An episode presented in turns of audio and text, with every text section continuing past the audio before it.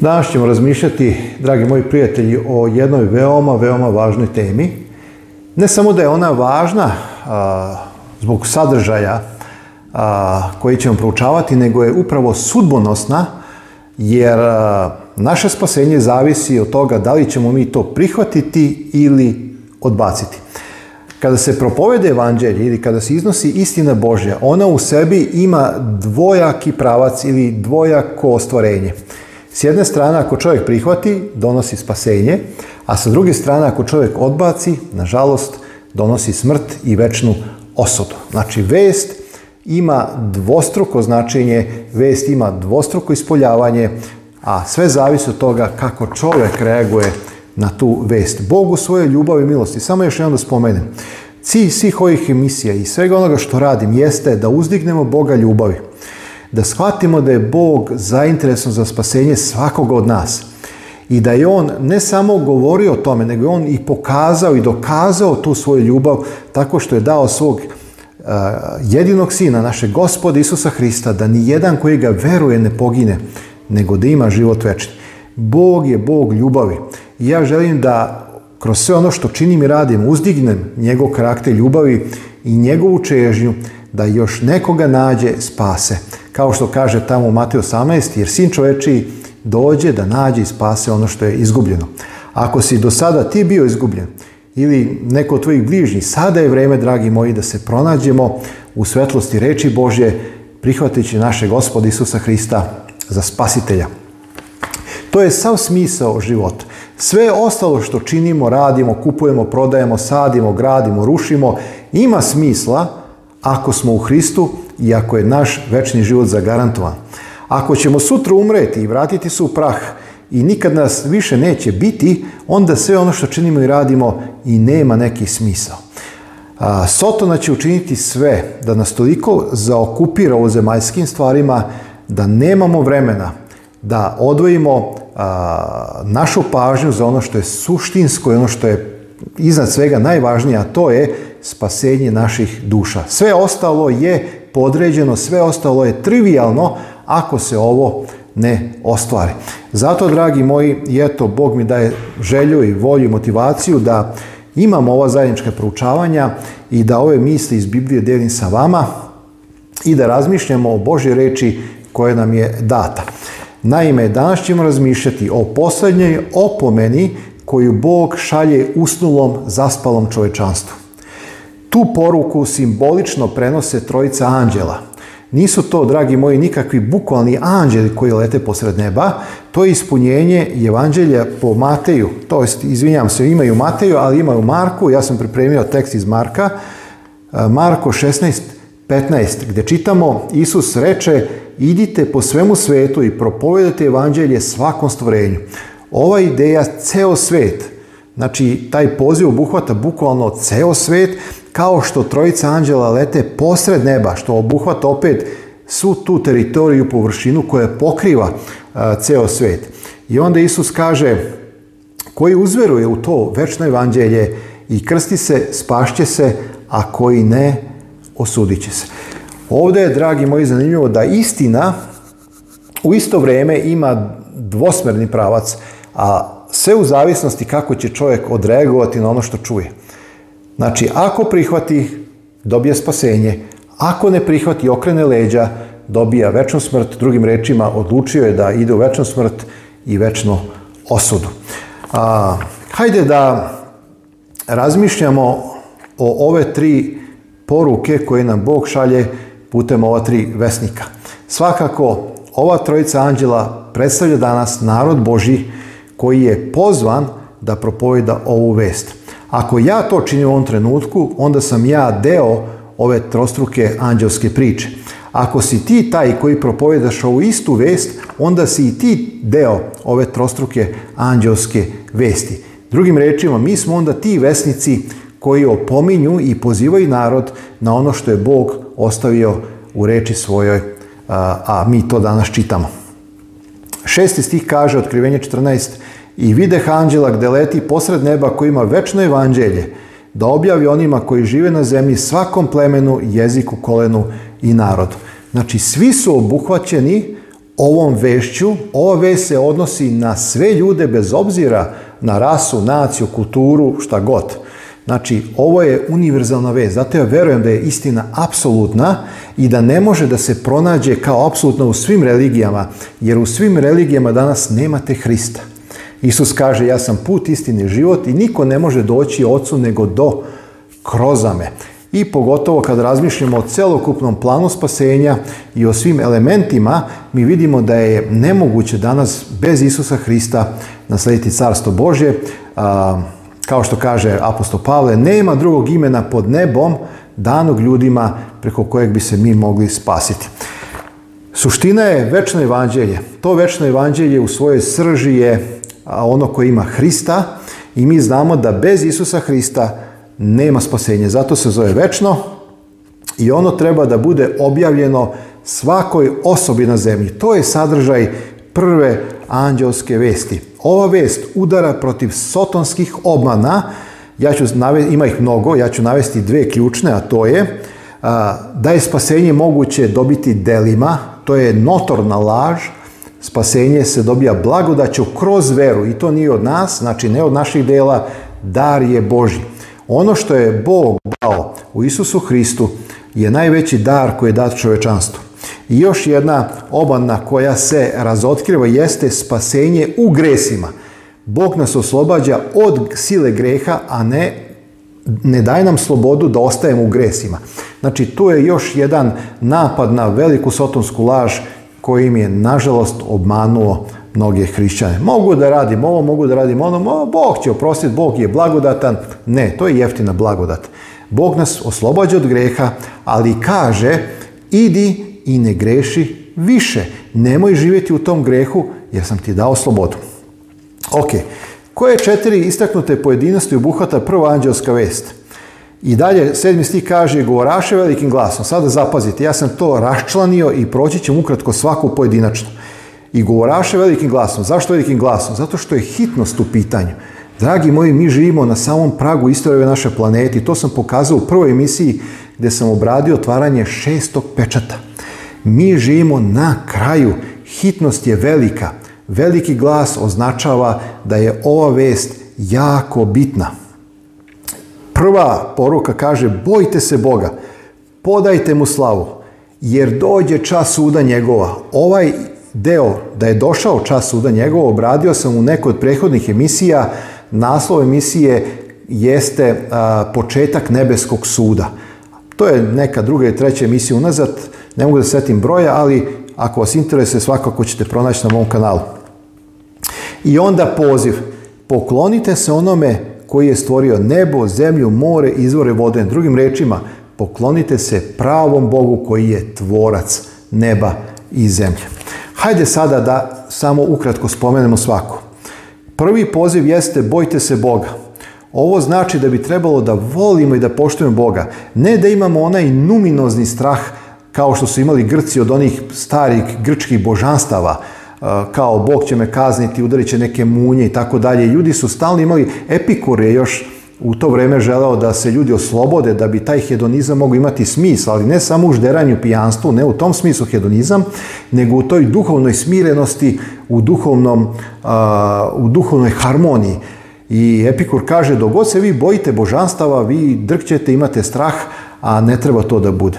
Znači, ne taj numinozni strah, nego mi hrišćani se bojimo Boga u smislu da ga volimo, da ga poštujemo, da ga slavimo i da ga uzdižemo. Onda dajte slavu Bogu. Mi kada ispunjavamo njegove zapovesti i kada živimo po njegove reči, mi slavimo Boga. Sećate se Isusa Hrista koji je rekao, oče, ja proslavih tebe, jer posao svrši koji si mi dao da činim. Evanđelje po Jovno 17. glava. Onda Dalje kaže, došao je čas suda njegova. Ovo ukazuje da smo svi odgovorni pred Bogom. Dragi moji, kao u prethodnoj emisiji sam govorio o Božjem sudu koji je počeo na nebu. Mi živimo u vreme istražnog suda. Ja ne znam kada će moje ime biti predmet istražnog suda, kada će tvoje, možda je bilo, možda će biti, ali zato želim danas da budem pomiren, sa Bogom kroz Hrista. Želim da imam mir sa svim ljudima koliko do mene stoji. Želim da živim jedan normalan, uravnotežen hrišćanski život. Da nemam zle misli i posljednje misli, nego da budem pozitivan. To ne znači da nekada neću pasti, izgrešiti i tako dalje. Ali ću se pokajati, idemo dalje jer imamo Hrista. Zatim poklonite se stvoritelju. Ova zapovest odbacuje idolopoklonstvo svake vrste. Danas se ljudi klanjuju mnogim stvarima, ne samo u nekom religioznom smislu, nego ono što ti je na prvom mjestu, to je tvoj Bog. Ono što ti je najbitnije u životu, to je tvoj Bog. Ja želim da meni najbitnije, najbitnije stvorenje u mom životu, izvinjam se, da meni najbitnije stvorenje u mom životu ne bude moja supruga ili moje dete, koje volim snažno i dao bi svoj život za njih, nego da to bude moj stvoritelj, moj gospod, moj Bog, moj spasitelj Isus Hristos. A kad je on na prvom mesto onda će i supruga biti blagoslovena i moje dete će biti blagoslovene, imat će moju pažnju i moju ljubav i to će biti onda savršeno. svakako, poklonite se stvoritelju. Kada bi čovečanstvo prihvatilo, dragi moji, ovaj poziv, ne bi bilo ateista, ne bi bilo idolopoklonstva. Evo, to su ukratko određeni elementi. E sad idemo dalje a, otkrivenje 14.17 kaže i drugi anđeo ide za njim govoreći pade, pade Vavilon. I šta bi to bukvalno značilo? Ako čitate druge tekste u Bibliji Vidit ćete da je bio prvi Vavilon, doslovni Vavilon, bio je drugi Vavilon u vrijeme Danila. Mi dan živimo u vrijeme trećeg Vavilona koji je a, drugačije karaktera, ali ima isti cilj, a to je da drži narod Boži u ropstvu kroz određene laži, kroz određene religijske promjene koje su se uvukle, o tome sam isto govorio, kroz mnogo, mnogo toga.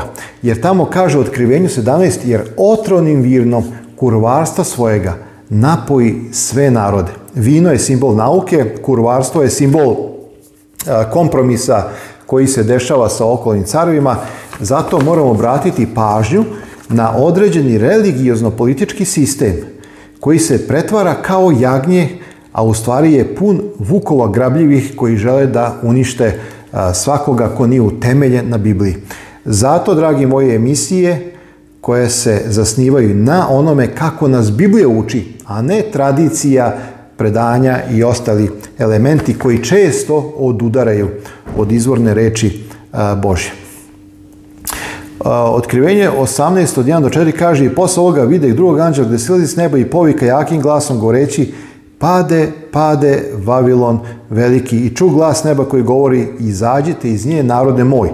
Otkrivenje 18 od 1 4 kao da se nadovezuje na poziv iz otkrivenja 14.18 gdje smo čitali tu drugu anđelsku vez koja kaže i drugi anđeo ide za njim govoreći pade, pade Babilon.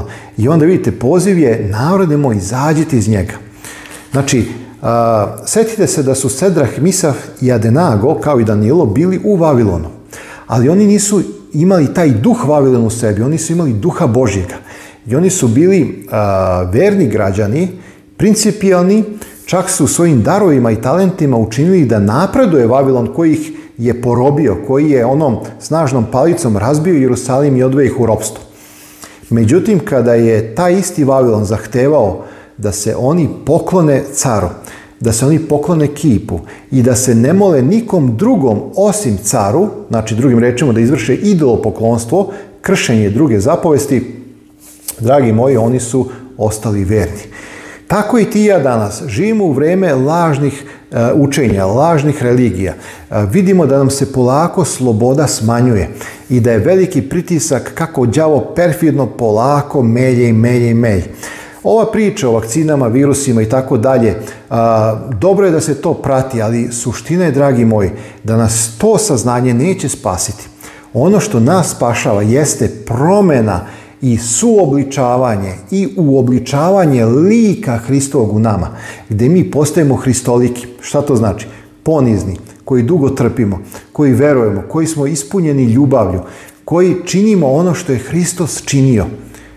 Tako čovjek zadobije spasenje. Jer s jedne strane čovjek može sve znati o 5G mrežama, sve može znati o virusima, sve može znati o određenim teorijama, neću reći te zavere, zato što ja verujem, da mnogo toga što slušamo sa druge strane ima istine. Znači, živimo u jednom zaista zlom svetu i određeni planovi koje pripremaju vođe ovoga sveta, vođeni nečistim duhovima, imaju zlokobne namere. Znači, ni ovaj svet sjajan i bajan. Ali, dragi moji, ako samo razmišlja u tom pravcu i ako kažemo žig zveri i čip, ma nije žig zveri čip. Žig zveri je lažni dan odmora. Jer u Bibliji kaže promenit će vremeni zakoni, daće im se ruke za vreme i tako dalje. Znači tu će biti velika stvar. I ko se prikloni Babilonu u tom smislu i ko bude svetko lažni dan odmora, koji se suproti četvrtoj zapovesti iz moralnog zakona, on prima žig zveri. A ovo je samo uvertira. Ovo je priča, ali to, to je samo početak. Ja ne želim da to zaokupi moju pažnju. Zato što smatram da bez obzira što sve to možemo znati, ja ne postajem bolji čovek. To ne menja moj karakter i ne stvara me slični Hristu. I to je velika zamka, evo sad u ovim, momentima vam ukazujem na to. Znači, ako nisi odvojio vrijeme za čitanje reči Božje sa molitvom da te Bog uskladi sa istinom iste reči, i ako nisi e, slavio Boga i vapio e, za Božjom prisutnošću, a rekao sam sto puta da je hrišćanstvo religija odnosa, ne samo znam, ne znam, verujem, ne verujem, onda a, debelo promašujemo, dragi moji. Debelo promašujemo. S jedne strane, bit ćemo informisani, mnogo toga ćemo znati, poznavat ćemo sve te teorije koje se vrte u, medijima, ali mi nećemo biti bolji ljudi. Čak šta više, bit ćemo vrlo uznemireni, bit ćemo vrlo agresivni, bit ćemo vrlo nezadovoljni, a možda čak i uplašeni. Ali to nije ono što Bog želi kao od nas kao hrišćan. Bog želi da budemo istino ljubivi, a to se postiže čitanjem reči Božje.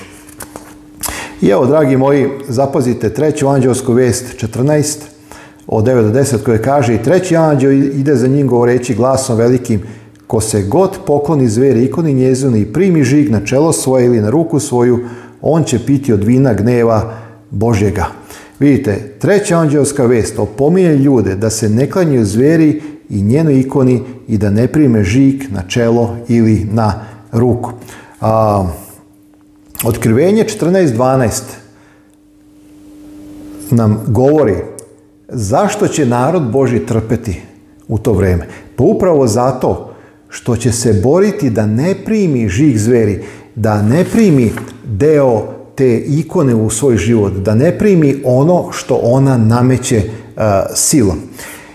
Biblija nam jasno kaže kako čovjek sve to pobeđuje, a oni ga pobediše krvlju jagitom. O tome ću malo kasnije govoriti. Zapazite, ja u emisiji sada neću detaljno ići u to e, šta je ikona, šta je zver i tako dalje. E, to ćemo proučavati uskoro u jednoj narednoj emisiji, zato što za to treba mnogo vremena, ali ono što hoću da vam kažem, da usvari vaše misli, jeste kako će narod Božji reagovati u to vrijeme. Kaže otkrivenje 12, ovdje je trpljenje sveti koji drže zapovesti Božje i veru Isusovu. Zašto će sveti trpeti? Pa zato što su odlučili da ostanu na strani Božje. Zato što se suprote zveri, zato što se suprote ikoni, zato što ne žele da prime taj žig, nego žele da prime pečat Božji. I zbog svih tih pritisaka narod Boži će trpeti, ali uskoro će doći izbavljenje.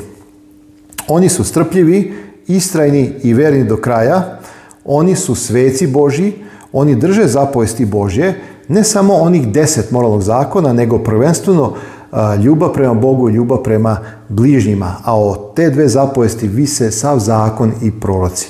Jer ljubav prema Bogu je usmjerena na prve četiri zapovesti, a ljubav prema bližnjima na drugih šest. To je odnos prema čoveku. I oni imaju Isusovu veru. Neki prevodi kažu oni imaju Isusovu veru, drugi prevodi kažu imaju veru u Isusa. Ja smatram da obe konotacije mogu biti ispravne zato što ljudi koji prihvate Hrista imaće Hristovu veru, a Hristova vera, njegova vera je čvrsta, nepokolebljiva i snažna. Zašto se ovo pričam? Zato što oni koji pobede koji poslušaju ovu troanđelsku vest i koji pobede, jednoga dana, dragi moji, bit će na staklenom moru. Zato je ova vest sudbonosna, zato je ova vest, dragi moji, važna i zato se tiče svakog čovjeka. Zapazite otkrivenje 15, prvi drugi stih koji kaže i videh drugi veliki znak na nebu i čudo. Sedmi anđeo koji ima sedam posljednjih zala, jer se u njima svrši gnej Boži. I vide kao stakleno more, smešano s ognjem, i one što pobediše zver, ikonu njezinu, žig njezin i broj imena njezina, gdje stoje na moru staklenome i imaju gusle Božje i pevahu i tako dalje i tako dalje. Ko će biti na staklenom moru? Oni koji poslušaju poziv tri anđela. Oni koji poslušaju e, savete koje Bog šalje i opomene. Oni su pobedili izver i ikonu i broj njezin i nalaze se u mnoštu spašenih na staklenom moru na putu prema večnom gradu i večnoj slavi. Dragi moji, posljednja opomena čovečanstvu data je u poruci ova tri moćna anđela, vesnika, koja simbolički predstavljaju narod Boži, koji propoveda i opominje ovaj svet da izađu iz Vavilona i da se suprote celom kompleksu svih laži i svih obmana koje ide u tom paketu. Svakom dobro želim, idemo dalje u proučanje reči Božje, a uskoro se vidimo u novoj emisiji.